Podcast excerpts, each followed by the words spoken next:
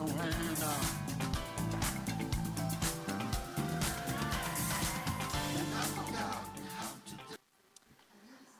velkommen til uh, Litteratur på blå og samtalen 'Future Histories from the Middle East and South Asia', som arrangeres i samarbeid med Institutt for kulturstudier og orientalske språk ved Universitetet i Oslo. Jeg har gleden av å introdusere professor i Midtøsten-studier, Teresa Pepe, som skal lede samtalen og presentere det flotte panelet som vi er så heldige å huse her i kveld. Samtalen vil være på engelsk, vare ca. én time, og det vil være mulighet til å stille spørsmål etterpå. God fornøyelse, og vær så god.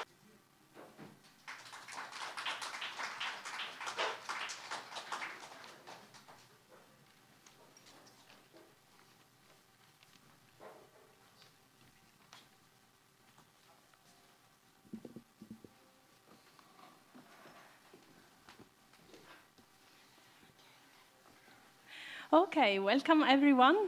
Very nice to see such a nice audience tonight. First of all, let me start by thanking uh, Blå, Literature at Blå, for hosting us tonight. So, as Julia was saying, this is an event that is organized in collaboration with Blå and the Department of Cultural Studies and Oriental Languages at the University of Oslo. So I'm Teresa Pepe, and I'm uh, teaching Arabic language and literature at the University of Oslo. And lately, I've become more and more fascinated with fictional works that dealing with imagining the future. So, how is it to imagine the future? How does this future look like? You know, and especially now that we're living in such a uh, uh, a reality that is more and more uh, is getting sometimes more and more dystopic. You know, how do we imagine the future? Um, so together with two colleagues from, uh, um, from IKOS that I would like also to thank uh, here, Bodhisattva Chattopadhyay and Joakim Parslow, we decided to put together a research network to explore these questions of future imaginations across borders. And we are looking in particular at the Middle East and South Asia. So, and then, so we, we brought together um, a number of scholars. Some, most of you are here tonight. Um, and we decided to tackle, you know, these questions. But then we thought, how do we, how do we talk about these issues without bringing authors, fictional authors? I mean, they are the ones who are doing the job. You know, they are the ones who are imagining. So we should bring them into the conversation. And so it is my pleasure tonight to introduce you these three authors, respectively from India, Turkey, and Egypt. And this, I will start from uh, uh, my left, from uh, uh Samit. I will get your. Okay, I don't have your. So Samit is an Indian um, uh, novelist, but also author of comic uh, books and movies, right? Uh, his work has appeared in uh, several languages. In, he's, he's, writing mainly in English, but uh, uh his work has also been translated in German and Swedish. And we will hear a lot about his, more about that later. And on my right, there is İpek Gökdel. She's a Turkish novelist, already author of three novels and um, uh, a novel, Karakalem, right? Yeah. Has been turned into a TV series by Netflix, and it's the first Turkish-produced TV series on appeared on Netflix. It's called The Protector in English. And then we have Nael Eltoukhy from Egypt. He is a novelist, journalist, and translator. He uh, is the author of three novels as well. Um, or four. The, the fourth one has just appeared. Um, his novel Women uh, Nisa Karantina has appeared in translation in both English and French, and he has recently published the novel Out of the Gutter in 2018. So it's my big pleasure to have them uh, here tonight, and I would like to, uh, you to join me in thanking them for being here with a big applause.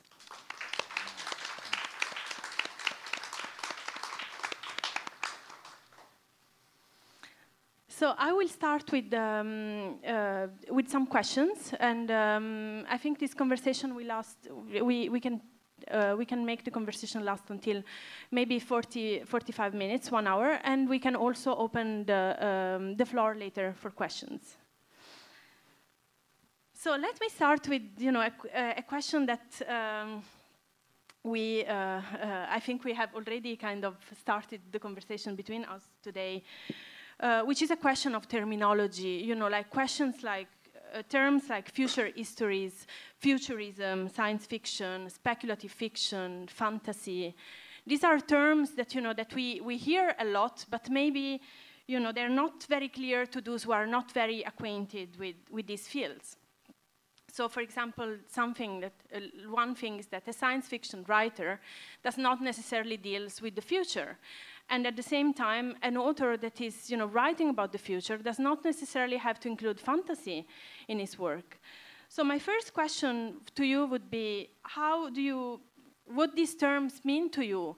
How would you clarify these terms, and how do they relate to your work? And we can start with Samit, Right. maybe. Um, well, you know, I think with all of these terms, what I find more most useful is if terms are used in an inclusive sense rather than an excluding sense. So, in the sense that if someone's reading your work and they think this is science fiction to me, or this is fantasy to me, or something else that makes it more inclusive and more interesting to more people, then I think these classifications have value. On the other hand, if I think if someone is saying I'm not going to read this because it's not fantasy enough for me, or it's it's you know on my imaginary meter of genre acceptability, this does not meet my checklist of standards, then I would generally feel sad for both the reader and writer in question because I mean they're missing out on what might be a lovely experience for them. I also think that um, you know genre classification is something that of course, it's of relevance in publishing when you're trying to sell a book. It's um, of relevance when you're analyzing books from particular experience. But for a writer, I don't really see um, anything of value other than you know following a story with as much honesty and love and imagination as you can, and letting other people worry about what to call it. Yes, definitely. Do you have anything to add, or you, Ipek, or no? Uh, actually, uh, I don't see any restrictions at all. I don't see any uh, interruptions at all. I think there is only one phantasma, one fantasy, uh, and I feel free to write anything that I want. In my book, for example, I took the historical objects and I made them transport to future, uh, and it was so uh, talismanic for me. So that's it. I feel free while writing. I, uh, I agree with uh, my two colleagues. I think the, first of all come creativity, come creative fiction, and then come uh, terminology. Terminology is something for uh, for academics to ask about, to ask uh, in a retrospective way. But first of all, yeah, I think my definition for the good work is something which could couldn't be defined in any of the ca- the current categ- categories after math, maybe after one decade, two decades, comes the terminology that could define this. But all, all the time, all the time in a retrospective way. So uh, the, the good work for me is a work which confuses these categories, something like this. Yeah. You know, I was, uh, I think the pinnacle of terminology is to be found in Japan. I was reading somewhere that in manga, for example, um, they have so many subdivisions that apparently just in romance stories for teenage girls, if that's a category, there are 11 subcategories of that. You know, and you worry that I mean, if you spend a lot of time worrying about you know category number 11, box number three, genre number four, um, then you're not going to find time to write. should we say that that's a Japanese invention? I think, I think, yeah, I think they do complexity quite well. I'm quite happy to be vague. Interesting.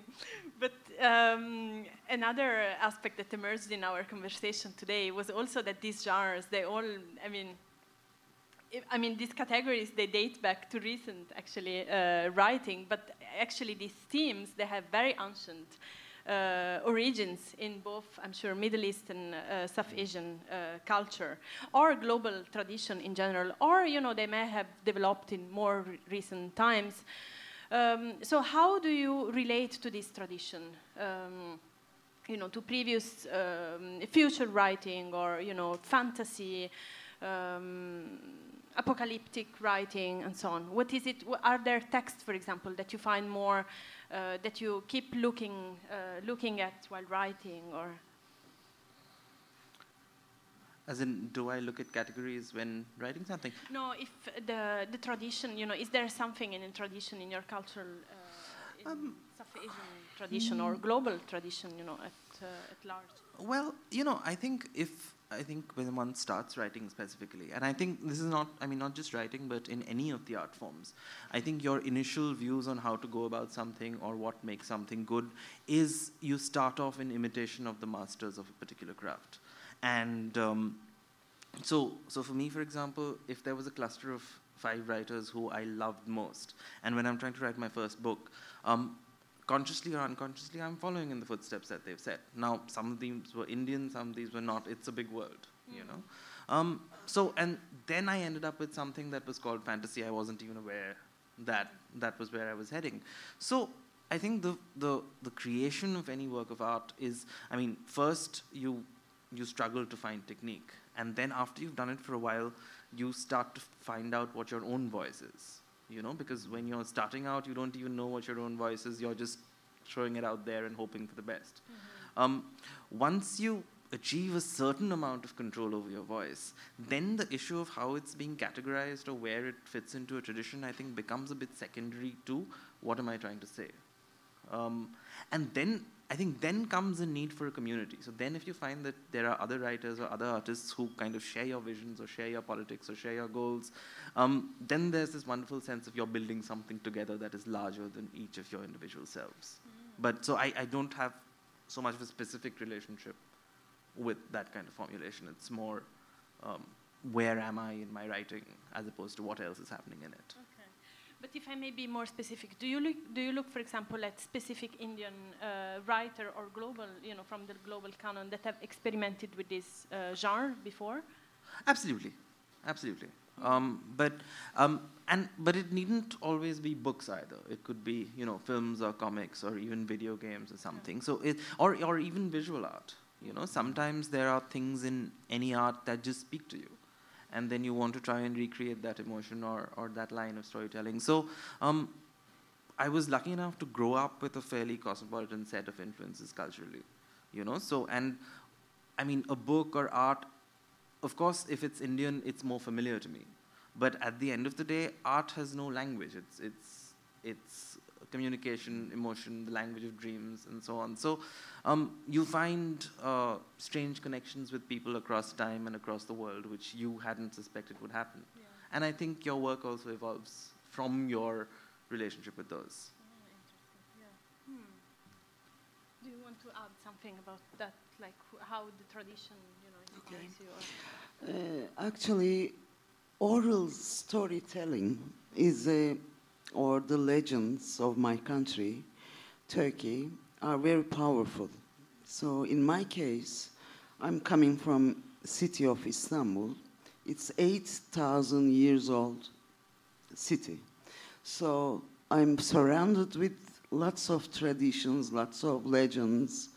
There are so many uh, Eastern Roman Empire remainings, uh, pagan remainings, Ottoman remainings. So I'm full surrounded with the tradition and legends. So my, con- my books are getting inspired, get inspired by this, this kind of things.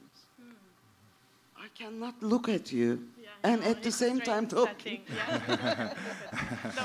so it's so difficult. Ipe, can, can I just add I uh, something to to that add question? Yeah. I just want to add something to that question, which is that, but the work that you're essentially doing is also quite new for your country, right? So the work that you're doing, say, No, uh, It's actually, it's two, 200 years old uh, fantasy writing Right. in the country. but the form that, that it's emerging in, which is say when I mean I, I- Yeah, taking history yeah and putting in in a fantastic uh, book. right It's it's a new. It's I am the only one. yeah yeah yeah, So- That's why Netflix liked it. How about you, Nael? Are you influenced by previous, uh, I don't know, Egyptian or global writers experimenting with this Yeah, uh, I, I, genre? I, I want to tell about you know, the book uh, Arabian Nights because I read when um, when I was a kid. Uh, we call it in uh, in Arabic uh, 1001 Night. Um, I, I read it in my childhood, but I wasn't influenced by by it. I, I think there was something very creepy. I, I- felt I felt scared by the, the, the um, scenes of um, you know the slaves who tried to sneak into the um, uh, the prince's rooms and and and uh, the thieves who tried to deceive the, the kings and and of course the the huge genies and giants everywhere. I was a bit scared and I was a bit uncomfortable, and it wasn't that, um, of course, there, no, nobody could read the whole book. I think there is no, um, the, the, the, the volume itself, it doesn't, it doesn't exist in, um, in, the, in the Arab world. It always, all the time, it's, um, it's simplified versions and sometimes uh, they remove the, the um, sex scenes and, and so on.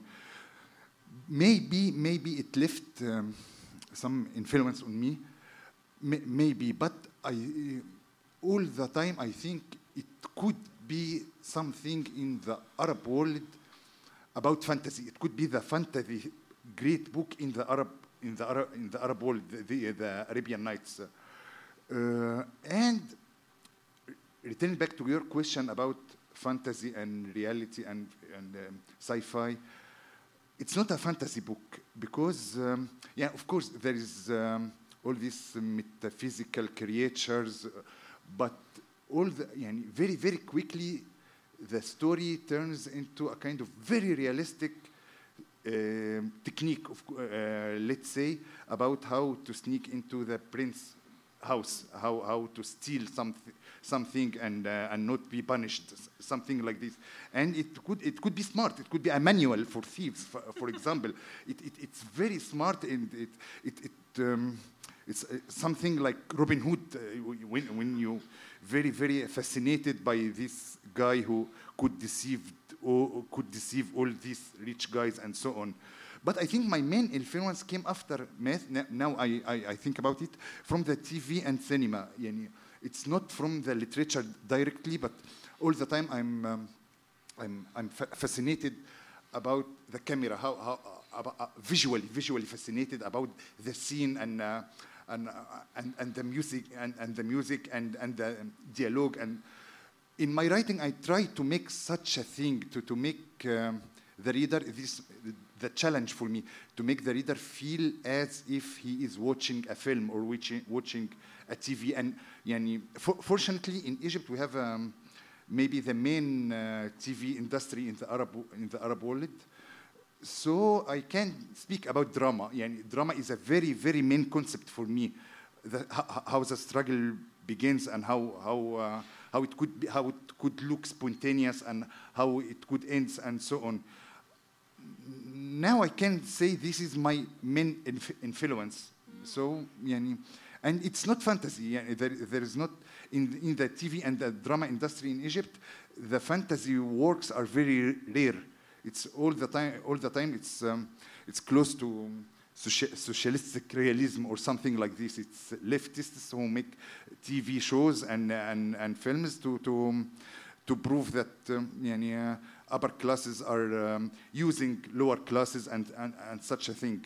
So it, and it's, it's considered as realistic works.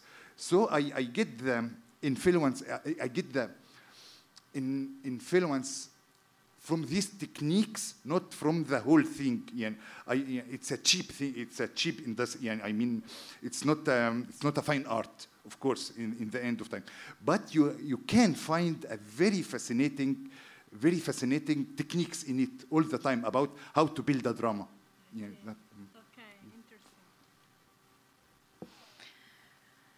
Um, what I find also fascinating, I mean, it's also, I mean, now we were, we were talking about influences, but there's no doubt that today, you know, this this question of writing the future, you know, future writing is undergoing a booming, right? And maybe, you know, it's already been going on for some years now, but especially, you know, I'm, uh, I'm looking at the regions, you know, like Middle East, uh, South Asia, uh, but also China.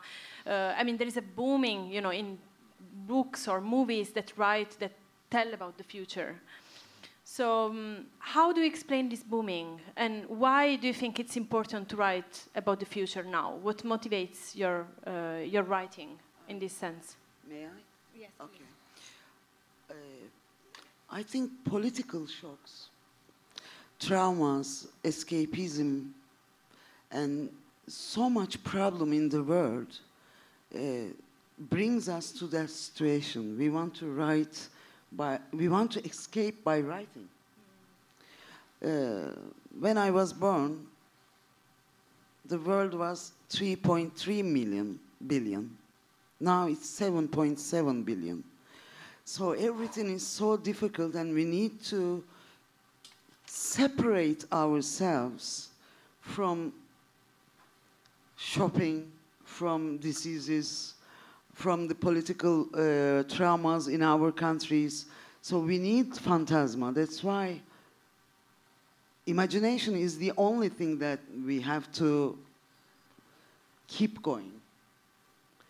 Uh, Harari, the Israeli writer, said this is the best uh, moments of the human, humanism.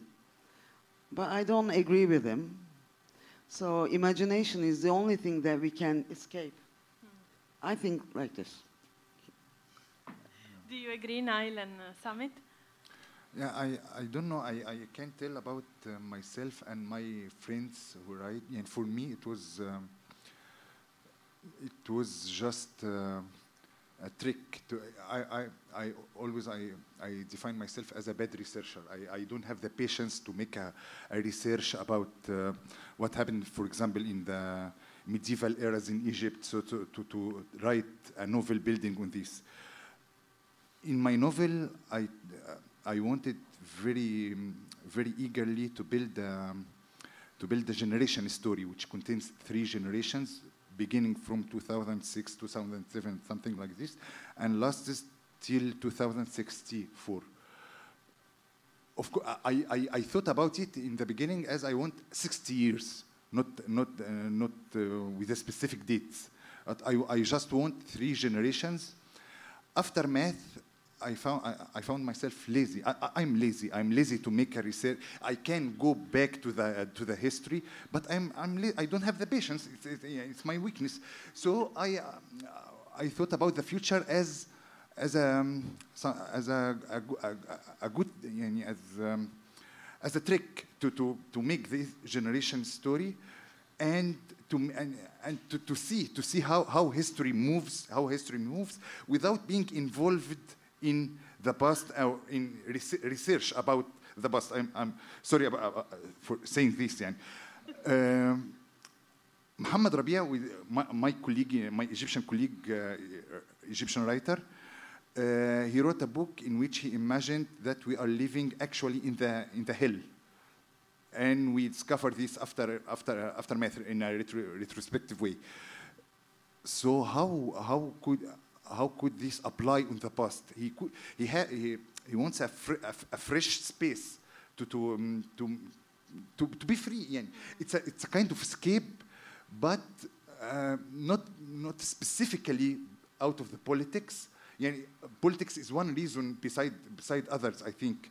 So everybody has has his own reasons, but all the time it's a kind of I think it's kind of no escape to freedom like, like, like, like imagining other planets. It's uh, because you want to, you, you don't want to be involved in the struggles on the earth. So you, imagine, you imagine the sky. You imagine you, that's imagination. You, you find um, a fresh area to, to, to build your plot on it. So in, in my in my case, and I think in Rabie's case, my friend, it was um, kind of escaping the past, um, kind of uh, trying to. to to build a very, very new plot in, the, in this fresh area. I think, I think so, yeah. Can I add something? I, I was born in a country, a very settled down republic.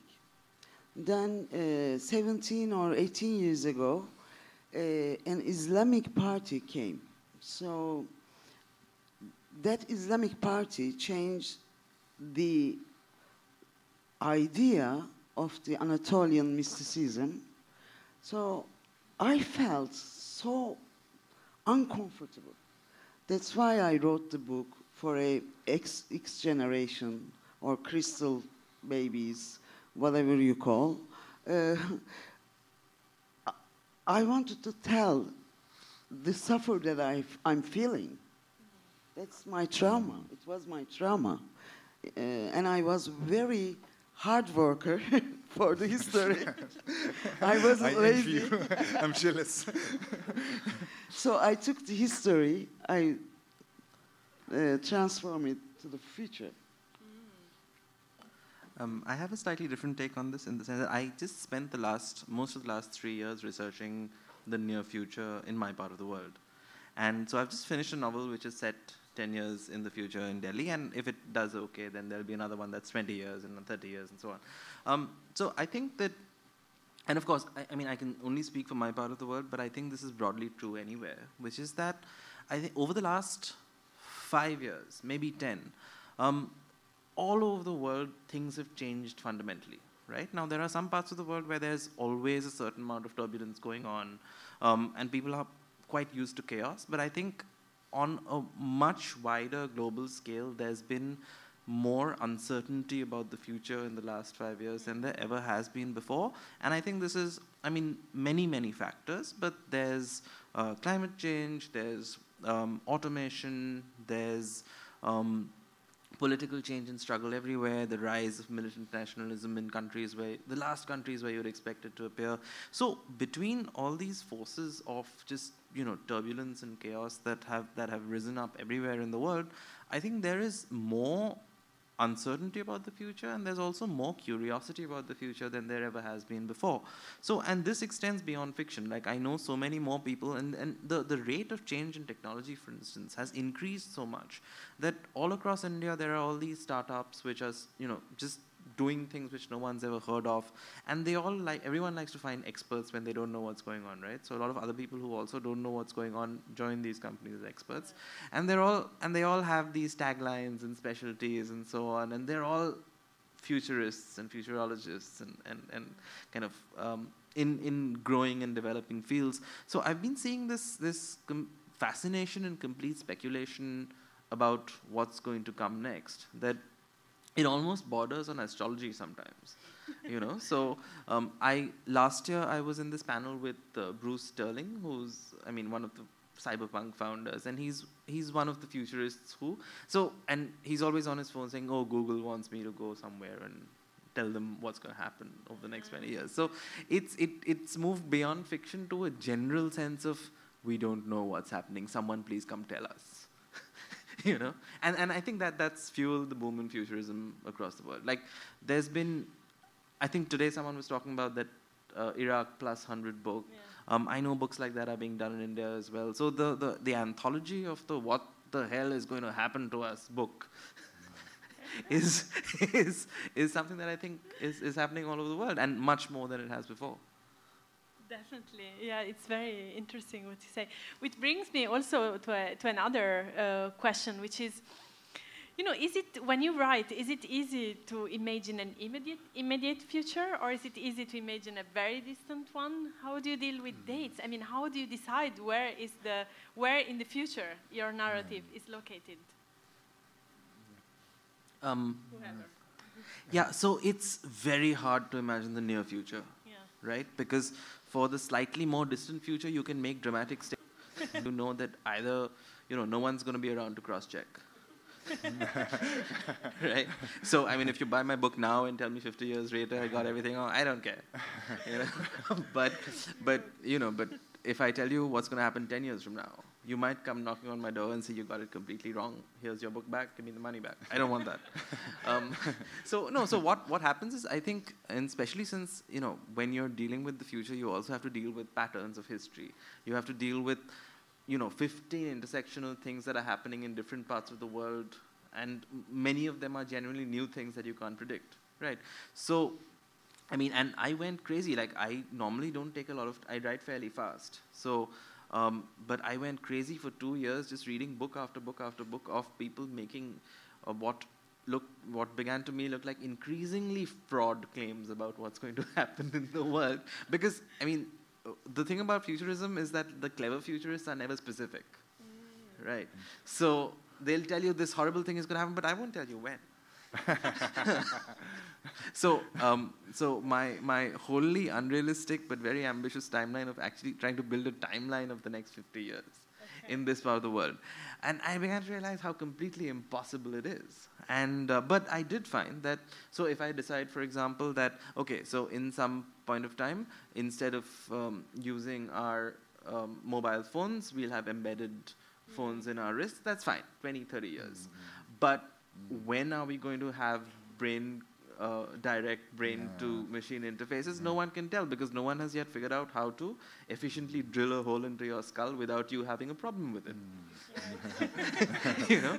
But but they're going to figure this out at some point of time. And then um, from three very unhappy people who can control machines to a billion reasonably unhappy people who can also control machines. There's going to be a further step. You can't predict when that'll be. Now, if I say 70 years, that's fine. but 10 years, no. So that's so, so the so the near future is far choppier. Do you agree? Or what do you think? Yeah, for, for me, um, I, th- uh, uh, I, I would like to tell something. Uh, my, uh, my novel, when I, um, I began to write, I, I, I, I took the decision that it will last for 60 years, for three generations. And I, in some point, I had the idea that it will end with some ref, uh, uh, with, with me referring to that Mubarak, Muba- um, uh, the president, the um, last president of Egypt, will fall down, will step down. It, uh, it was a kind of, um, I, I, I thought about it as a kind of parody that he will, he will step down uh, just after 60 years. Yani, and, and this, uh, I, I, I, and I thought that I will deliver this, I will tell this in a very victorious tone on some, something like this. And you wrote the novel in 2010. Yeah, so I, I, yeah, I, I. I, I finished almost in yeah, I finished almost um, in begin in the um, early 2011, and then the Egyptian revolution happened, and then Mubarak stepped down actually. So I, I thought yeah, maybe maybe it wasn't that good to make it very far away that that kind. Maybe I could be more low profile, something like this. I, I don't know, but. Um, after after math, yeah, I, I skipped all the parts about Mubarak. Yani I, yani there's some there's some mentions to Mubarak, but in a, in a slight way. Uh, and it became the, the story about the, some marginal neighborhood, which is for the in its inhabitants, for for uh, in its uh, for its inhabitants, it's a, a matter of death or life. It's the the big th- the story of their lives. This neighborhood, which is El Karantina for me, I think yeah, I prefer I prefer the close future because I can I can I can tell something about I can tell something about it. Uh, when, when, when you said about the, the, uh, the, the communication between one brain and another, I thought about it, and I, I, um, I thought about the whole concept of technologies or sci-fi in novels. Maybe we could, you know, maybe it could be convincing and could be possible if we start this kind of communication as in um, in a low, low quality thing eh, with uh, with a, a lot of hang ups and, and so, the, so the, the reader will will be convinced of such a, such a thing. But I didn't. There is, in, there is no any, um, uh, mean, almost there is no any yeah. sci-fi in the novel. There is some very, very, very um, tiny, tiny mentions. Because my, I thought about that I want to, to, when I decided that I will write about future, I thought, I asked myself what I want to tell about future what, what, what, what is the something new I want to tell about new future. And I thought the best solution yani, for me in this time was to tell that there is nothing, yani, nothing will be changed. The people will be the, the same, the, the same struggles, the same suffering, with a very, very tiny sci-fi and very tiny technologies. This I, I could imagine. But technology will, will be progressing, will be in, um, evolving in a very in a very huge, huge way in the last in the coming centuries. So I can't, I, I, I don't have any access to this. So keep low profile, keep low profile, and stick, eh, stick to, to, to, to, your limits. That's how the readers will be convinced. Yeah, this is what, what I thought about. Um, so I prefer close future. Yeah, this is the answer. But you know, I mean, I was. Have you have you seen the show Black Mirror? Yeah. yeah. yeah. So now, so with Black Mirror, there's always they, they follow this one case of you know the inevitable disaster that happens along a single line of of uh, development of a particular technology, right? So I saw that and I thought, okay, but if we were actually living in a world X years from now, it wouldn't be just that one shift that would be happening to us, right? So if you hmm. have a season of 10 episodes, all those hmm. 10 things would be happening to us at the same time. Yeah. But they wouldn't be happening in isolation, they would all affect one another Yeah, as yeah, well. So the yeah. world we'd be hmm, living in would be something where mm, 20 thing, new things are happening. yeah, yeah, yeah. So I decided that I would do a world building exercise where all of those 20 things were happening together. And that's when my brain exploded. Right. Mm, exactly. so, so, uh, so which is why the near future terrifies me. Yeah. Um, whereas the far future, yes, a spaceship will arrive at some point of time between 2050 and 2060, and we can all move to another planet, and rents will go down. But we men- so we, we've mentioned technology, but do you think there are also um, themes that are also more challenging to write about apart from technology, or themes that are more urgent, like you feel that you have to address them when writing about the future? Hmm. It's hard to say actually, because I mean, you know, I mean, technology is very interesting and all of that, but in the end, technology is a prop. Hmm. Um, It's hmm. a tool that you use to tell the same story, maybe that you would have told without it, but to, to tell it differently because it's also there. So I think in the end, and I think I'm not just speaking for myself here, in the end, let's say before you dive into the story, you of course make all these decisions about it, where it's set, what it's about, what it deals with.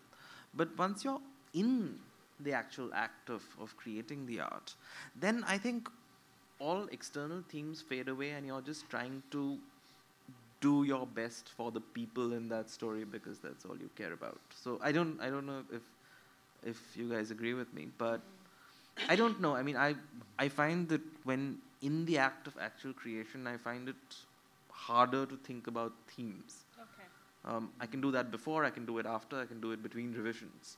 I see. Um, But otherwise, I mean, I've been writing across genres and media for about 17 years now, and I find that while the exact logistics and the nature and even the thought process for each medium and each genre is perhaps somewhat different, um, the act of storytelling is the same, you know, and, and, and then that, that kind of becomes um, you just care about these people and you worry for them and you try to move them from the beginning to the end of the story, causing minimal damage or maximum damage, depending on your tastes. But, but yeah, I mean, it's, it's hard to isolate other themes like that.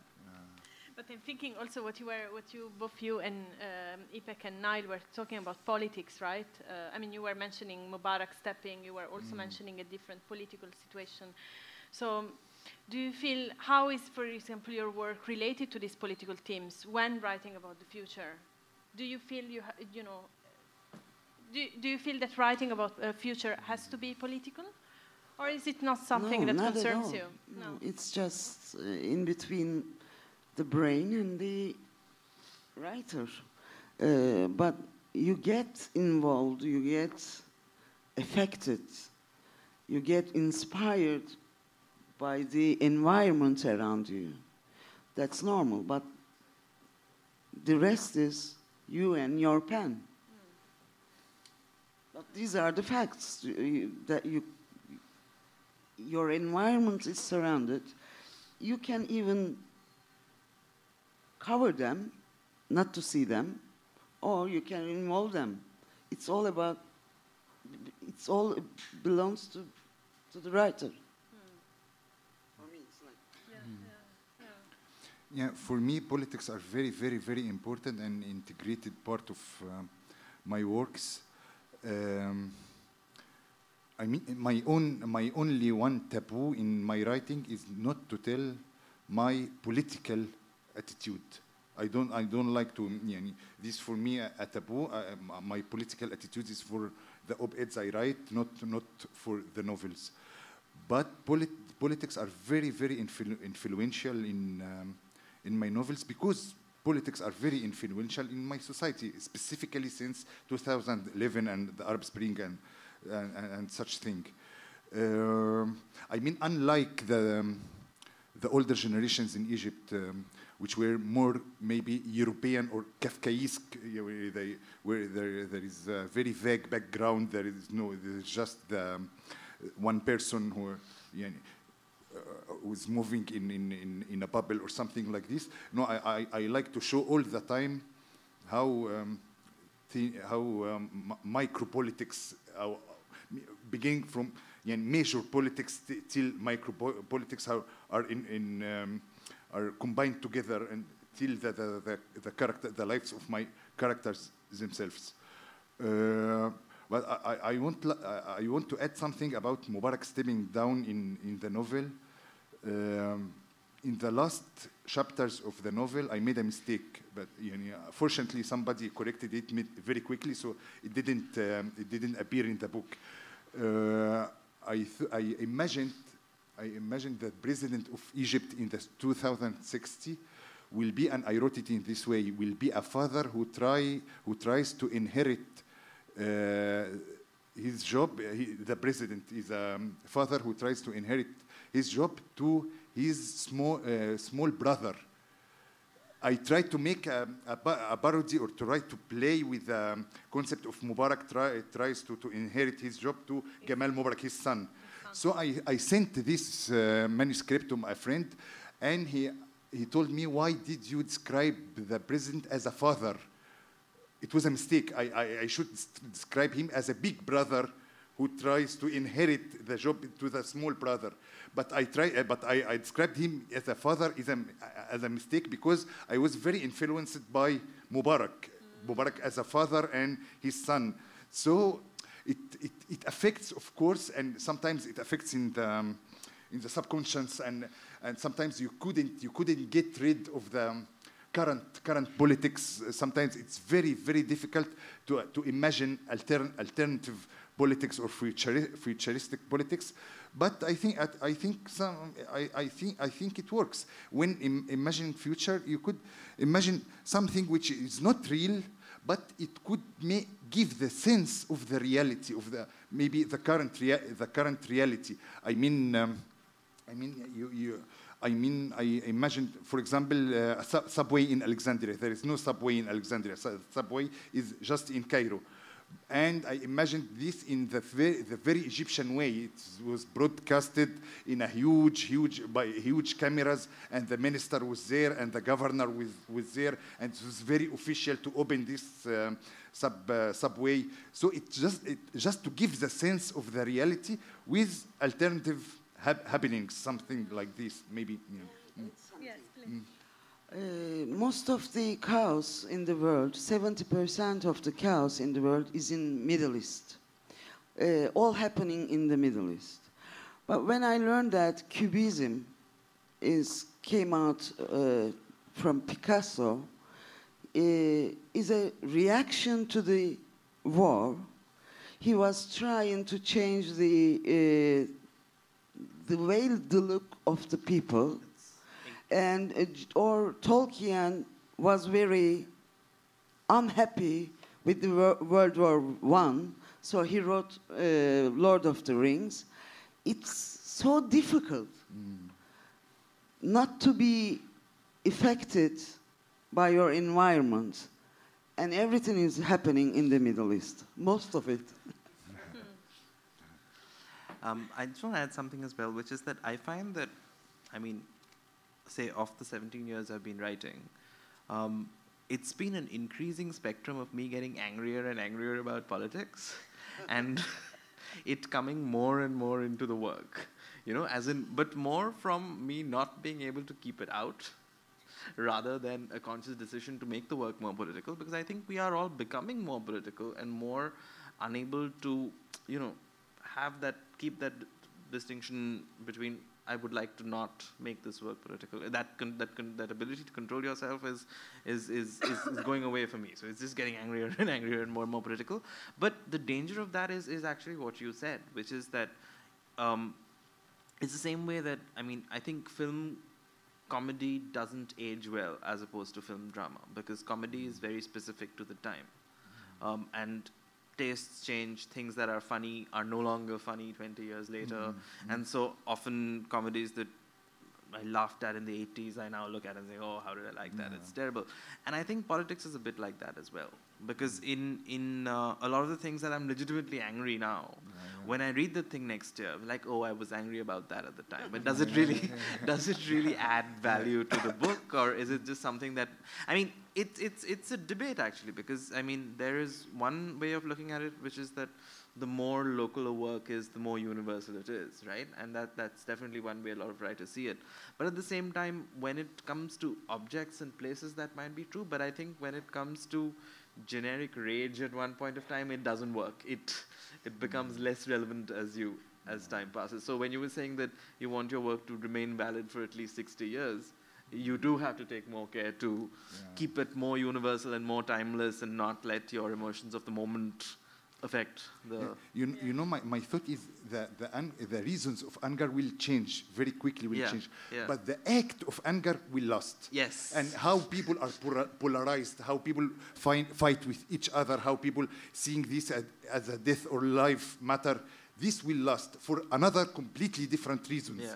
So that's how I, I think this is the role for literature, yani, to, to describe the something which will last. The, Yeah. I, I, I don't want to exaggerate, but I think I, I, I want to say this word, the eternal things. Yeah. Uh, the, uh, for me, a description of literature is a th- thing that could be read 500 years ago and, fi- and in the coming 500 500 years and, bec- and still valid. So, Yeah, th- yeah. mm. Which brings me to, to the question of reception, right? Because, I mean, your, your stories are very rooted in local realities in Turkey, Egypt, India. Uh, but also your work has been translated. I mean, your book has been now uh, been turned into a TV series. I mean, all your works are, are globally um, available. So I'm thinking how this, you know, how and what kind of reception, you know, these works have found. Is, was there a different reception in uh, um, in your home country than in translation? Uh, and how this reception has affected, you know, your creative uh, process? Uh, in my case, medium was different. It wasn't just a translation of a literature. The medium was different. It was whole world, uh, 150 million uh, subscription owners was going to watch it. So uh, when I signed the papers, I knew that the, uh, Netflix is going to change lots of authentic things in it. Because they said to me, uh, You have a wonderful book, you, but it's about your homeland and geography. But uh, we were from South America, or Japanese is going to watch, so we have to eliminate specific things. Uh, so it was a very sad moment for me, but I signed it. But I love my book. I don't like the series. and your book now will appear in Italian, uh, right, in uh, translation. Yes, I hope so. In, in two months. Without eliminating. No. So, How about you in Ireland? and um, for me, I'm. Um, I'm not a bestseller uh, writer in Egypt. I mean, there is uh, Alaa Al Aswany and there is Ahmed Mourad who sells much, much, much more better than me. But the thing, the thing I'm proud about is that I am I'm acclaimed among uh, among the I, I call them the smart people. So Yeah. th- this is very satisfying for me. Uh, it's not about um, how, how, how many copies are, are sold and so on. But about I, that, I'm, um, I'm, I'm confident about, about the reception of, of my books.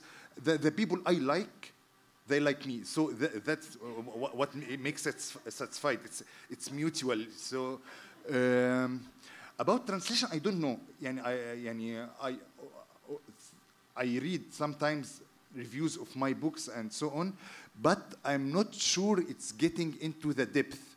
I mean, there is something which is very um, awkward about Arab world, about, uh, yani, as you said, it, yani, fortunately, nobody asked me to eliminate some things, but I know, I'm aware that the, um, the, the, the, the, reception of the West, for, for Europe, for example, is that my, my books are not, are not the books the, the Europeans want. They want something which is more simple, which is less litera- liter- literature, more some, uh, want, want something mo- more socialistic, more uh, to, to, to, to, to tell them about the Arab world. It's a And- bad translator. uh, no, no, no. It's, it, it's, a, it's a good one. Uh, It's an, an amazing one. But I, th- I think, because I, I, I think this because I ask myself, all the time I ask myself, if I want to read about, say, um, South African literature, uh, yeah, am I want to read something which is very fine art? No, I want to read some basic thing to, to let me know because I'm completely ignorant about South Africa. So I think this is this is valid for yani, for yani, valid and justified by ignorance, which I, I couldn't prevent. I couldn't prevent ignorance from. but I'm sure it will some so- someday. I, I I'm sure it will more more better better sold and so on.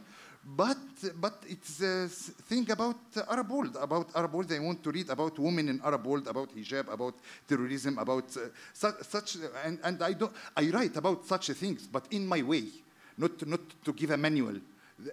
Everybody, everybody who is ignorant about the, something, the first thing he, he wants a, ma- a manual. So and, uh, this is not my role.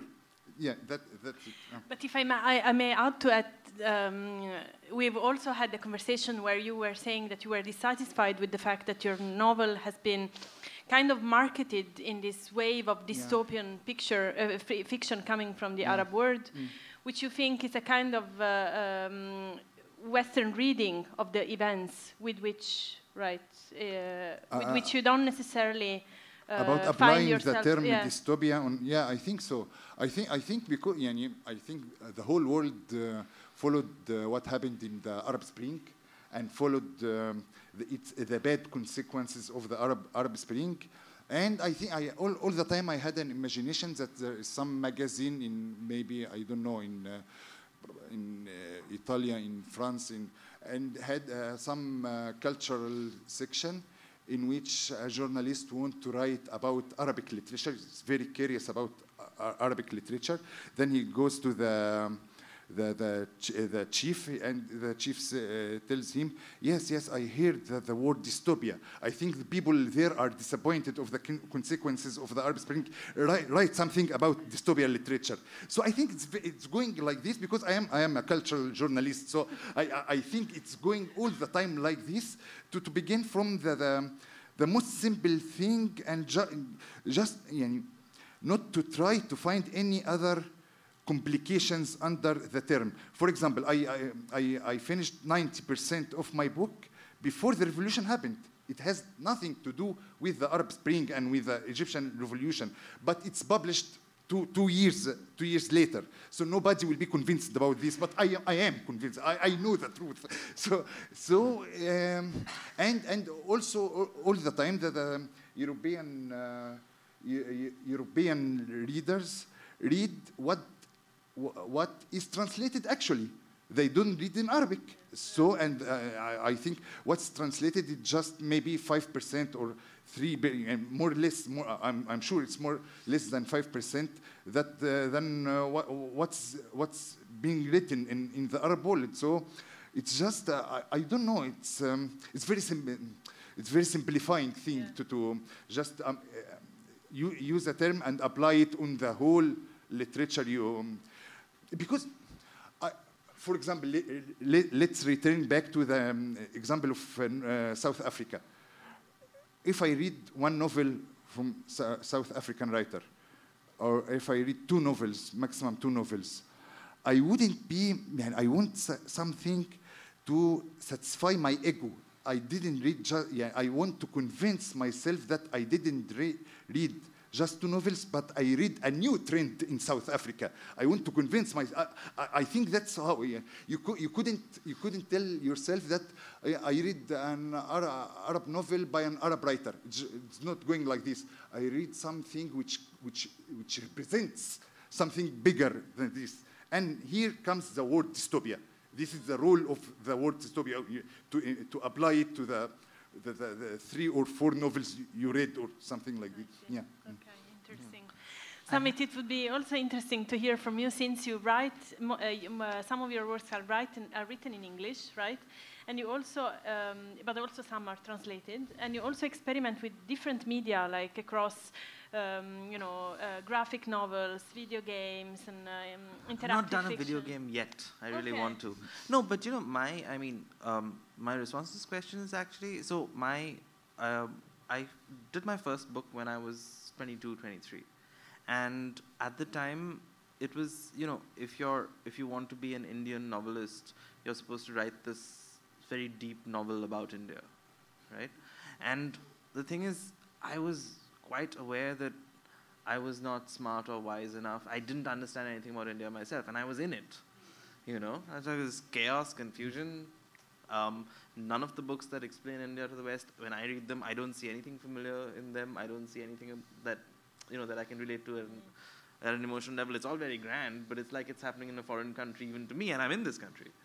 You know, so I knew that I was way too ignorant to kind of explain the idea of India to anyone so I thought, what is the solution to this? Because I really want to write a book. So then I thought, let me build a whole alternate universe where no one can claim that I don't understand how it works because I made it. um, so, and that's what actually led me into, and I didn't even know it was fantasy at the time of writing it, but then later I learned it was a fantasy novel, so that's nice. Um, so, and so, you know, 500 pages later, I found that in India, everyone was very happy with it. It was a bestseller, got good reviews and all of that. So I said, okay, now let me try and sell this abroad you know, because if they like it and it's not about India, and maybe it's just something that people might understand um, because they have here. Now, a few months later, I got so my first two rejections came on the same day, and they confused me even more than the already considerable confusion I had inside me, because one said my book was too Indian, and the other said my book was not Indian enough, right? And on the same day so I'm like, how do I process this? And, and now I realize that one was saying that we expect Indian writers to not write this book. And the other was saying that you have elements in your book that we are not familiar with because I had, it was, it was a book where, you know, it was this imaginary land where every, every culture was built on the mythology of a particular region of the world. So there was one whole country based on, say, Arab myth and Arab legend, and there was another based on Indian myth and Indian legend. So there was a lot of stuff in it that was not familiar to people who only knew, say, dwarves and elves and, you know, sub J.R.R. Tolkien uh, fantasy literature. So for those, it was too strange. For the others, it was also strange because why is an Indian writing this stuff?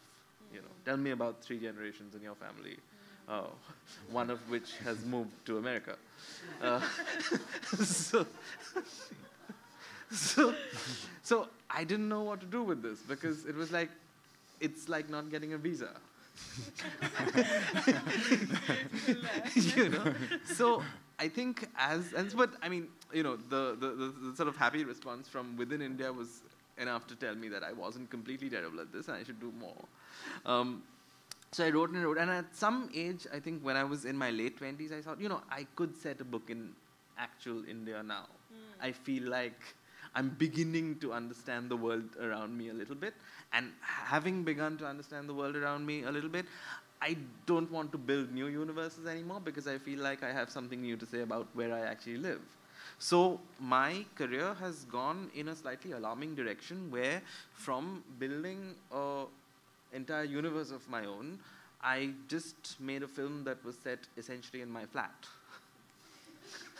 you know, so a more dramatic reduction in scale and ambition has very rarely been seen. Um, but I, you know, but but in regard to translation, I find that so a German translation happened, a Swedish translation happened, a, Me- a Mexican one in Spanish just got commissioned, right?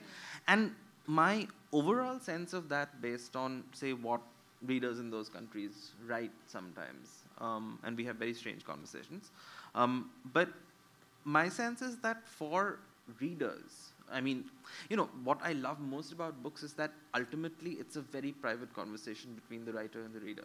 It's hmm. just the two of you in a room. It's a very private, very intimate act. Hmm. Because it's it's two brains talking, hmm. and um, and you give so much control to the reader to interpret the words in the way she or he wants, and you have so much control and responsibility yourself to tell the story that you want to tell. Um, so with readers, it's fine. It's it's an individual relationship. It's like an individual friendship. Um, where the complications come in is with the many intermediaries that happen between the act of creation and the act of of, of uh, consumption, let's say, of art. So it's like what you were saying with Netflix, for example. With the best intentions in the world, they may have removed some of the most special parts of the book, and you are clearly feeling this, and which is why, you know, there, despite the happiness for the show, there is still a sense that it won't. There's something that, that's being lost from the book, and who knows if the if the viewer had seen the show that was a very faithful adaptation of the work that you created, maybe Netflix was right about some things, but of course they were wrong about some things. There may have been some things that Yeah, of course. yeah. So so it's so the moment that you kind of you know when it's more than one person in the room, um, then you can't really tell what's going on because then in a sense you've lost control over how the narrative is proceeding. So I find that if so if you're not if you're not say in English publishing for example, if you're not in New York or in London and part of the literary society there, um, by the time your work has sailed off from Delhi and reached those shores, um, intermediaries in the process have confused the process. You know, so um, the only really honest sense of how it's working when it's far away from you comes from a letter from a reader when it somewhere far away. And but sometimes you never get to the stage where a reader there can read it, which is why I mean it's very interesting to me to see how say something like um, say self-publishing or or the internet or you know just ebooks that are available all the world. Um, of course, it's still in a very confused and new and fresh state, but in a way, I think after a couple of dec- decades, it's going to reach a very interesting space where, you know, when you don't have gatekeepers, when ideas can just flow from anywhere around the world to anywhere around the world, you'll have chaos and confusion, but I think you'll also have a lot more honesty. So I'm very interested to see where that will go. Definitely, yes. Yeah. One thing also that I was thinking um, that is common in your work is the is the is the issue of superheroes. I think it's it comes across you know several uh, the three texts here, right? Um, so turbulence, for example, your book Turbulence is. Uh, uh, I have a quote here from. Uh, um, from the book Blurm, it's, uh, it describes a collective of superhumans who find themselves in grave danger in a part of the world that needs radical change much more than it needs protection, which I guess is India, right? Yeah, Uh, it's set yeah. in India. So these superheroes, they must decide what to do with their powers and their lives, and quickly, right? And uh, Ipek, in your book, also we have a superhero who has, I mean, he's, he's a young uh, man from uh, Istanbul who finds out he has supernatural powers, right? Um, so he's predestined to be the protector of Istanbul, right? And, uh, um, and so he's endow- endowed with these supernatural um, uh, powers, immortality, and so on. While Nael, in, in a way, I mean, you also have superheroes, but in a different way, right? You have these mafia uh, uh, female characters, right? And they are superheroes in the way they manage to commit their crimes and to build this empire, this criminal empire.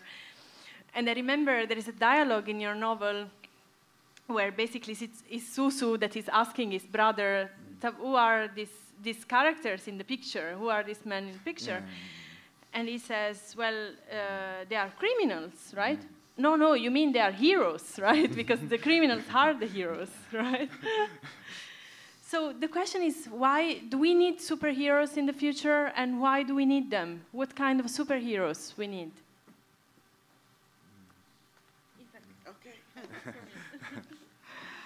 Actually, uh, superheroes, I believe, today's superheroes are future's ordinary people. So I'm, uh, while I was writing my superhero, I put some restrictions on him. He was only do some extraordinary things when he wear the talismanic shirt 500 years ago, from 500 years ago. He wouldn't do anything for himself.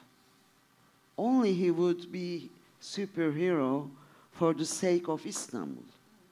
So uh, I was trying to write down a limited edition superhero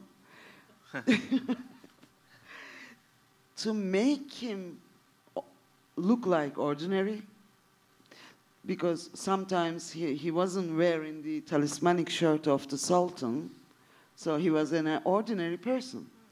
So when i was writing the character the uh, uh, hero I, uh, antagonist and protagonist i was always thinking that they are maybe look like super, super but they will be very ordinary soon in a 10, time, uh, 10 years old or tw- 20 years old time.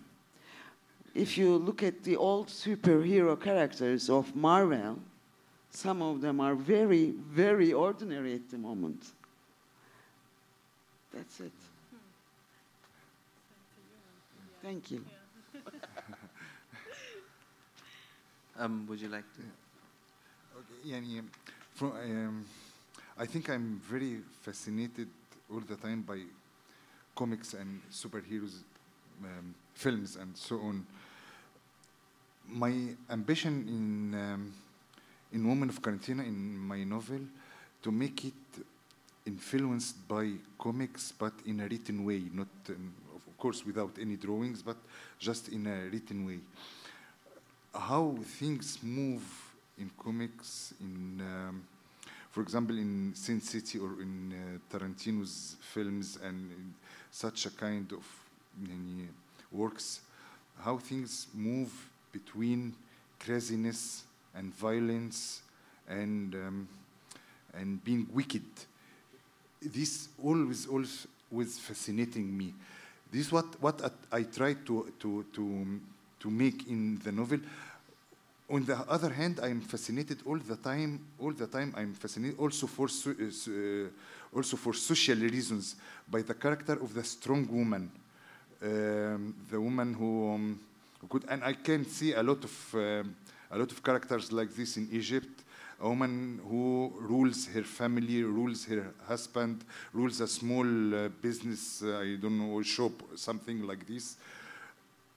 Even in the um, Me Too thing uh, in 2018, my approach was to, yeah, a- against harassment, that the woman could answer could, uh, by slapping the face, by, by uh, yeah, I, I, I suggested more, more harsh things, but anyway, all, all the time I'm fascinated by the character of a strong woman, and I feel I feel not comfortable with the weak one, with the, with the, with the woman who couldn't decide. I, I sympathize with her, but but I, I don't feel very comfortable with with this. Uh, the the woman who let uh, her husband or her sons or her brothers take uh, take decisions um, in behalf of her or something like this. I think my um, my my inspiration, my my this inspiration of the strong woman came from comics. I don't know. I, I can't locate it in a specific way, but I think the the the, the, the strong woman, in my imagination, came from comics and um, kind of magazines and and works and so on. In the other novel, in the last one, I, I dealt with a very similar question. I wanted a superhero, super female, superhero female, but I wanted a very, very ordinary woman. Yeah, I begin with um, with the thought that I want a woman who defeat the devil and, and said it in this dramatic way. I defeated the devil, I killed the devil. But how could I make it, co- uh, I could, how could I make it convincing? It's very, very complicated, compli- complica- complicated. So it, يعني, it, it became, يعني, how to approach, how to approach the, the concept of devil or the concept of evil, how to approach it in a realistic way. So I thought maybe that the, the, the most, uh, most accessible way to, to, to approach these uh, concepts is a madness. I, um, I made it um, schizophrenic, but schizophrenic in a very gradual way. You ca- the reader doesn't notice that she is schizophrenic, but page by page, page by page, you notice that there is something which is very, very, illu- there is uh, heavy illusions in her head until uh, I, I come to the page, that she, she, um, she tells that she killed the devil. In a very gradual way, I think maybe um, madness, madness is um, madness or um, madness is the only, only, only realistic way to, th- to think about the metaphysics, evil and devil and, and God. And, and so I made it like this. And in my mind, I want it as a superhero, a, super, a female superhero who kills the devil. So I am convinced, I am, half of me is convinced that she killed the devil, and half of me is convinced just that she is a mad woman. And, and th- this tension is going along the novel in, um, in a parallel way. So I begin with. Uh, I begin with, with, with, with this superhero female. I begin with it and I try to, to, to lead it to the last step, to the, to the last scene. I, I, killed, the de- I, I, I killed the devil or I'm, I'm going to kill the devil, something. Uh, uh till the, uh, she uttered the word devil. It, it's uh, very, very important to me to mention the word. Yeah. So, um, how to make superhero um, realistic or ordinary? She's very, very ordinary woman. She, yeah, yeah, yeah, uh, I, I insist all the time that if, if you look, if you walk by her in the street, you will not notice, you will not notice her. She puts headphones and walks in a very, um, mil, in a very military way. I mean, very fast, uh, very rigid like this. So that's how I approached the. That's how I made this, my my superhero, a, a, a, a mad woman, a hero woman, something like this. Yeah, yeah. Mm. How, how were your superheroes? Um, so you know, it's most interesting. So I mean, I, I've seen the Protector show, and I can't wait to read an English translation of the book. Um, so for what I found most interesting about your protagonist was that he's a culture hero who's doesn't start out being super. He's an ordinary man who's uh, called upon by a duty that's larger than himself and forced to become an extraordinary person in the pursuit of that duty, which in many ways is the classic hero story. Um, so my characters are um, so in, in, in a way that he, he's a hero hero who doesn't start out being super, whereas my characters start out by being super but not heroes. You know, so um, so uh, for me this was this was ten years ago now when when I wrote Turbulence, and I was essentially it came from 200 news articles when I kept thinking was as an individual what can you do to make this mad and really large country a better in any way? Like what can you do? no so but what happens is that so this group of characters they get um, a, a mysterious event occurs and they each get um, physical abilities that correspond to their innermost desires. And they are not using them. No, so they have to use them, but they're not. They're, they don't start out with any noble intention. But it's like whatever your deepest desire is, you now have a physical ability that enables it. So, say a third generation Air Force pilot can now fly. So, a woman who feels that she got married too early and has a had a child too early and you know didn't live the full life that she wanted to live now can split into multiple bodies every time she has to make a decision so she never has to make a choice again Right. So, um, so similarly with all the characters, and then they find themselves in a situation where obviously there are some people who have just become really strong and want to use this strength to kind of take over and reshape the country. And there's so the protagonist is this guy who who used to feel very disconnected from the real world and, and felt like he was alone in the universe. He can now control the internet, you know. So um, and so then it's just a madcap series of adventures that happen, and these people have to learn how to be responsible and have to, have to learn how to think beyond their own desires to something that is of larger consequence to the world. So in that way, it's kind of similar to the Protector in a sense, but uh, it, they take much more time to understand that duty comes along with extraordinary physical abilities than your very lovely hero does. so yeah, so so that that's how it happened, and it's it's crazy to me that it was ten years ago now. Because- 2009, right? yeah. Interesting.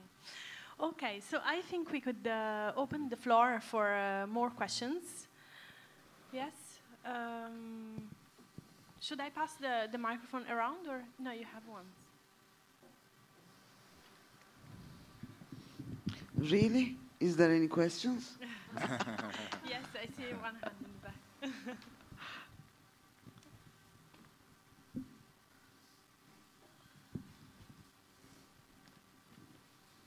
Hello, thank you. Um, yeah, my question actually goes back to this issue of politics because the, I mean, increasingly, even for someone who works, I'm originally from the US and I work here in Norway, we feel somewhat censored politically with what we write or how we talk about things. And so I'm curious about the extent to which you have any fear or you feel limited or you feel like you have to make your art form, I don't know, kind of conform somehow so that you don't end up becoming a target of political attacks that you don't want to be part of. Would you? Yeah, okay. I feel very stuck for a while, actually, till I begin to write down. When I begin to write down the novel, I felt so good. It was me and my thoughts, and I did find a way to escape from the pressure of the the political party that I'm not involved, that I'm not very in love. So uh, when I begin to write down, I said, even only one, only one young kid or person, a girl or a boy, would read it, I would be feel blessed. I said, and I, I political environments that I'm not appreciation give me so much pressure. So I begin to write. This is, in my case, it's like this.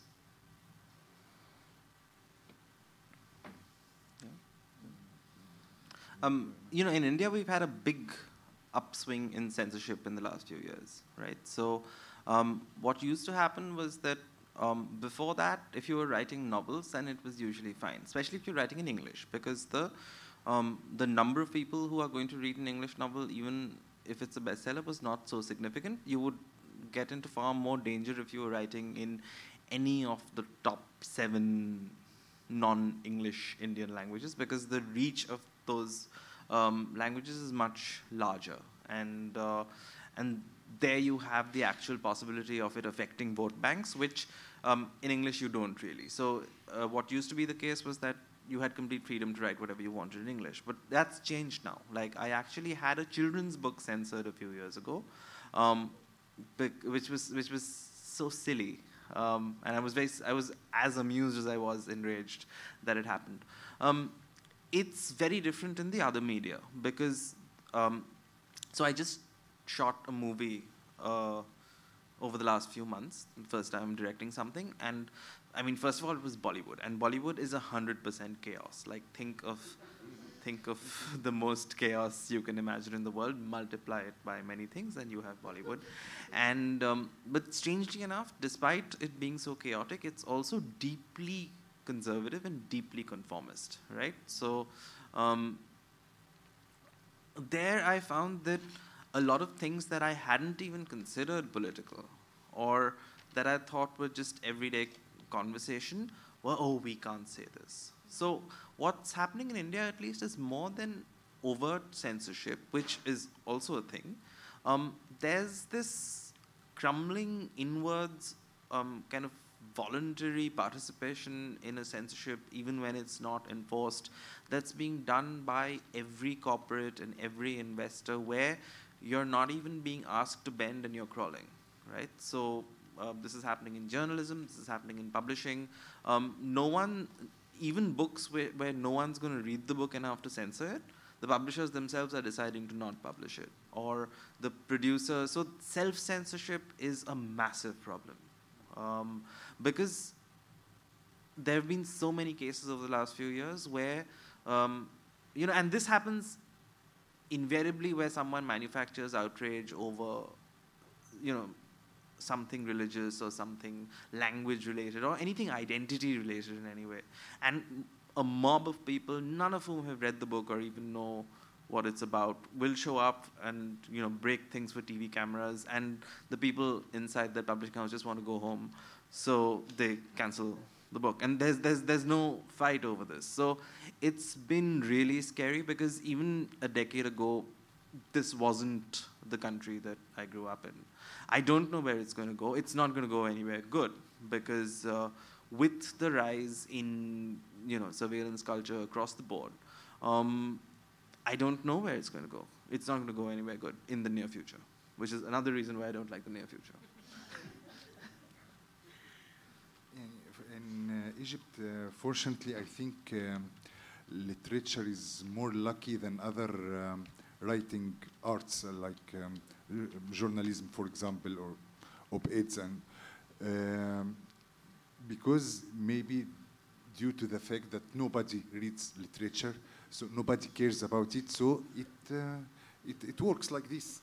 Um, aftermath, you, you, the, the, the, writer become, beca becomes a, a big writer, then they begin to care about him. And I, I want to, to mention just two cases. Um, uh, one of my uh, colleague, uh, friend Ahmed Nagy, was uh, put in jail for one year um, for using, not, not out of political reasons, but for using obscenity in his novels. And not, in, in, not accurately in his novels because it, the, the, um, the thing is that he published chapter of the novel in the newspaper. The law for newspapers is different from the law for books. So um, the, this is the most tra tragic uh, case in Egyptian literature. The second most tragic uh, case was by Alaa Al Aswany recently, his last novel. Alaa Al Aswany is the most bestseller Egyptian writer. And the publishing house, not the authorities, the publishing house refused to publish his novel because he mentioned um, the, yeah, yeah, yeah. He, he, refused to mention the. He, he mentioned the, the pres uh, Sisi uh, in a, a, negative way. So they they were afraid. Everybody now in Egypt is afraid. So it, it, it it's a kind of self censorship. It came from the publishing house, not from the authority. Yeah. And then what what he did? He published it published it in Beirut, in Lebanon, not uh, not in Cairo.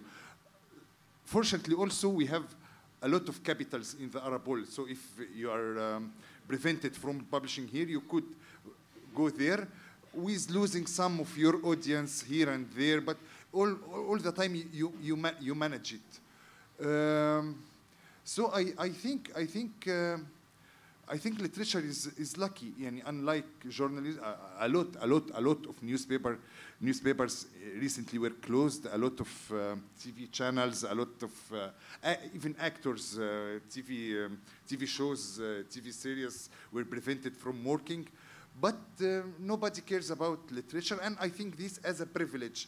For, for self-censorship, I always say that it's, it's a very, very healthy thing to make a denial, to, to, to, to forget about ev everything, to forget about specifically about that you are an important writer, to forget about that somebody will read you, your friends will read you. For, this is very, very healthy, and, and I, I think it produces um, most of the literature I like to read without, uh, without big claims, I, I mean, without, with, with without uh, يعني, with l- low profile literature so more sincere and more sensitive that's what the, the kind I, li- I like more and um, and it, it may works يعني if, uh, if if you write something which is very very harsh against the government uh, against against um, uh, I don't know against uh, ag- against Islam maybe or uh, if you forget that somebody will read you then, then you could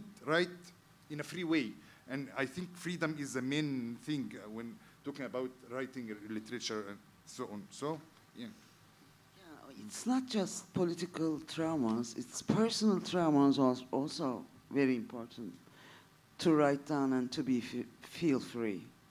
Not the environmental traumas, just from within you have some traumas, or from your personal life there are some problems. So these are also these are also the good things to, to write. We have a question here, first line, here. Well, thanks. This was just such. This has been such a wonderful discussion. So thank you all. Um, any question? I mean, we've talked a lot about trauma. We've talked a lot about violence. Um, could you describe in your own work? I mean, how you uncover, you know, what is new and beautiful, and what you see emerging around you that that gives you genuine hope in the future, and how can you recognize that? in the midst of all this shit that we're going through right now, and you know, in the midst of all the trauma, in the midst of all the violence, uh, wh- you know, wh- where is that sweet spot of possible future action? if I may. Um, I think for me, what what always brings hope and always brings a smile is that, um, you know, when you whenever you try to perform any kind of analysis on whatever's going on in in the world today, it just looks bleaker and bleaker and bleaker. But despite that, there's always that odd story about people refusing to be anything other than what people always have been. You know, so I mean. Um, and for me if i'm going through say it takes longer and longer to find that one story that gives you hope but there's always someone who in the in the face of all logic is performing some absurd act of resistance you know? There's always someone who from some deeply uh, compliant and conservative community is again taking incredible risks and stepping out and being brave and saying what usually she nowadays um, believes in because there simply is no alternative. So no matter how much uh, times change and how much of a pressure cooker we're all in, people are still people and people have always been brave and people have always been hopeful and i think if if that had changed we'd have all shut down and given over and the machines would have taken over by now so yes i mean these are obviously very troubled times but there i mean if you just look around um, the people you know you'll find that someone or the other is quietly doing something inspiring you know? It becomes harder and harder especially with all this noise around us uh, nowadays which is just getting louder and louder but you just have to train yourself to look harder and um, you'll find hope in unexpected places you'll find hope in just normal acts of everyday courage. It's there. I've not i mean and somehow in the bleakness of the news it becomes uh, even it sometimes becomes easier to see people just carrying on being good. I've not i've not had any sense of hopelessness in people yet. I hope that day never comes. In my case, it's very different, actually. I'm not writing uh, uh, long distance, uh, futuristic things. I'm looking at the time as a not as a linear uh, thing. That's why I'm taking uh, from historical things to now and to the future. So in my books, time is not linear. Time is a surround a cycle. So I, I don't. I never wrote something from 2050 or 60, so 300. So I cannot I, I don't know the answer of yours. Thank you.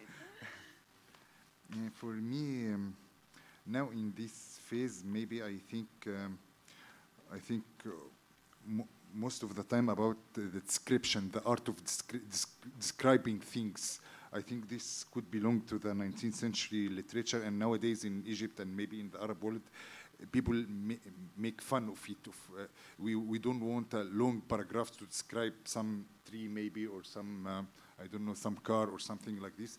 But I feel it now, now nowadays, maybe some month ago, I feel it very, very challenging to describe something. I feel um, something, something um, inspiring to, to read to read paragraph which is just words, and then to feel the same experience as you you, you are seeing um, a waterfall or, maybe- or a flower, something. To feel the same experience, it's it's a it's a very very very challenging thing and very inspiring thing. And now I am obsessed with uh, with uh, this. So um, how how to deliver? Yani again, I I told about uh, that I, am fascinated by um, movies and by TV shows and uh, visually. So that now the challenge for me is could literature just using words ma- makes the reader feel as if he is watching film or or or or, or, uh, or my new show or something like this. I'm, this is my new challenge. But yeah, after this, I, after this, I was obsessed by paradox. For example, uh, but some. Uh, all, all, of my life I'm obsessed by dialogue and how, how dialogue goes between two persons. And so now I'm in uh, description phase so. Yeah. changing, changing, your obsession. Yeah it's challenges. It's uh, yeah, it's, uh, it's okay. Thank you. Are there more questions? Yes one from Stefan. Yeah, maybe uh, one very challenging one. Um, um, some decades ago, it was went without going. Uh, it go, went without saying. Say um, that every writer, every serious writer, had one word that he had to use, and this was commitment. You had to be committed to a cause. Does this say something to you still? Or what do you think is uh, the reason why your readers should read you? What is the benefit from reading this kind of literature that you are writing? I don't know who these writers are that you've met that were committed to a cause because, I mean, I know hundreds of writers, and the only thing they have in common is they're committed to themselves. Uh, but I, I don't know. Um, if you guys know why people should read you, please tell them. Uh, I think it's. I think it's Ibn Arabi. He says, "What's in macrocosmos, it's in microcosmos." So what's around, what's going on around, it's in only in a sentence sometimes. Uh, uh, maybe the reader could not find something in my book, but he, it can find in his book or in his book. I don't know, but I know that everybody has to search, non-stop search, in a microcosmos or no macrocosmos, in anywhere we have to search ourselves. That's why we have to read. That's my motto. Is, it, is it the right answer to you?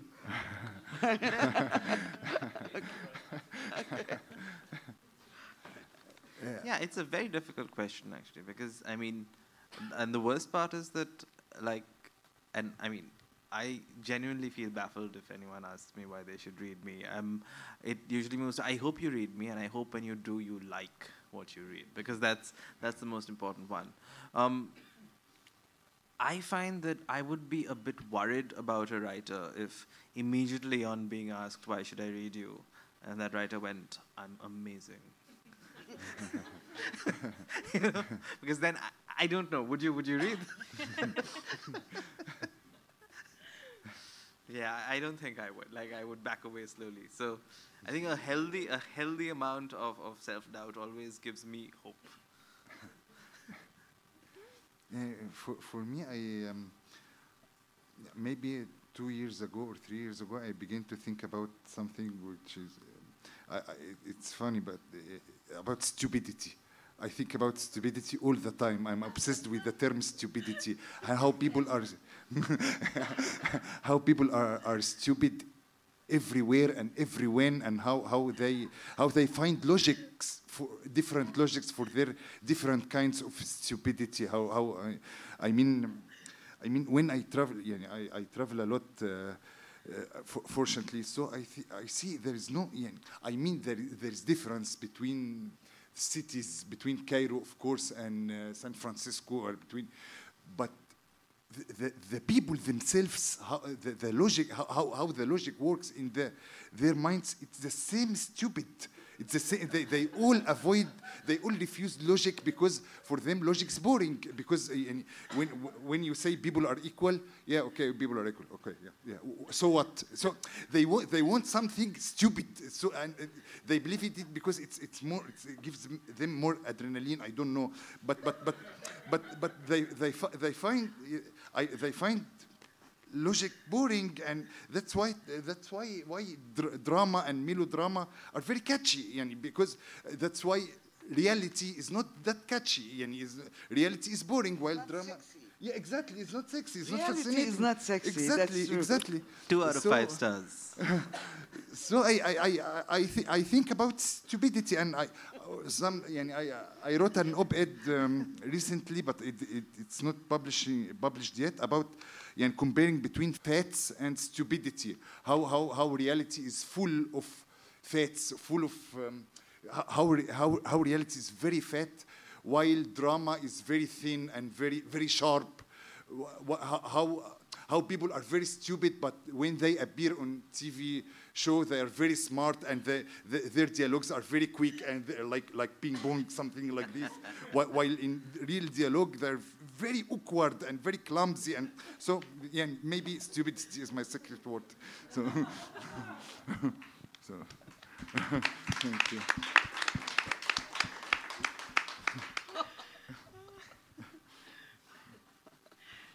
We have time for a last question, if there is any.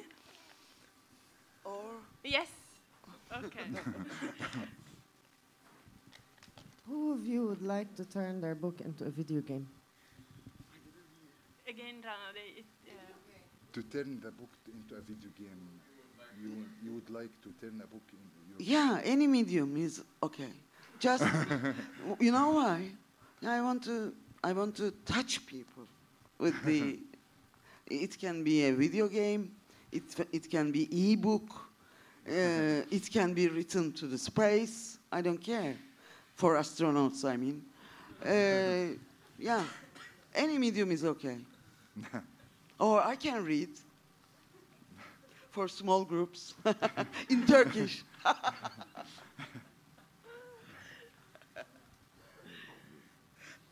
video games, Hamid, you were. Oh, absolutely. Um, in fact, I mean, uh, there's. Um, I'd like to also write a video game one day. Um, because there's so much interesting work happening in that space. And um, so, I mean, a lot of the story of my life is a really large collection of failed projects. And uh, one of these failed projects was there was a mysterious Japanese man who came to Bombay once when I was there and told me he wanted me to write a really large Japanese video game. Um, I was delighted. I said yes, of course, immediately. And uh, then um, we spent three months arguing because he wanted the video game, and he was from a big Japanese video game company. He wasn't just a random Japanese man who met me on the street. Um, we argued for three months because he wanted the video game to be about the Ramayana, and I did not want it to be about the Ramayana. I wore him down, but by that time, uh, various small Indian businessmen he was um, he had hired to uh, do the technical stuff had run away with all his money, so he went back sadly to Japan. Um, so, but yeah, but I mean, I think it's. I think video games are one of the most exciting forms of storytelling in the world because they're getting increasingly more complicated, and writing them is something that I am going to do at some point. Would I like? And but but it's what you said. Any other medium that that anyone Welcome. wants to anything, like when when you like to story tell, telling, uh, when you want to express your stories, any medium is okay. Nael, a video game for or against stupidity? Maybe I, I, I'm, yeah, I don't like very much. I, uh, I'm sorry, but I think the medium is different, and maybe yeah, I, I'm, I'm addicted to the art of storytelling in video game. There is, maybe I'm classical, but I don't, I don't believe in interactive storytelling. Yeah, I think, I think there is some individual who stands behind the, the art of storytelling. So to, to, to make it. Um, very, very um, interactive like this. I, this is not my favorite art. My, my favorite art is about storytelling, to, to, to, to tell a story to an audience or to some people like this, and to know, not, to, not, not to know from the beginning the, the, the end, but at least you, you, you try. While, while telling, you, you, try, you, try, you try your imagination. I find it another, another, another medium completely, another art completely. And yeah, I, I'm not so um, interested in, yeah, yeah, so. mm. you wouldn't have to play it. Yeah, I, I was a very, I, I was a very good player, but it's Yeah. something else. Yeah, and what, what I'm addicted to is to tell, to, to tell a story. And m- maybe No, but they just come and say, "Here's a lot of money. We're going to make your book into a video game." You're and you, selfish. yeah. You'd say, Yeah, I yeah. mean, do it, Classic, but, but I'm not going to play it. know. Then they'd say, okay. okay, I would say thank you so much. Thank you. Thank you, thank very much. Ifek, Nael, and uh, Samit for such a wonderful conversation. you so It's much. been very entertaining and very, very uh, informative at the same time. And thank you to all of you uh, for being here for, for your questions. And we can still um, we can still use this room, and we can go out for a beer and enjoy still the the evening and continue our conversation there. Thank you. very much.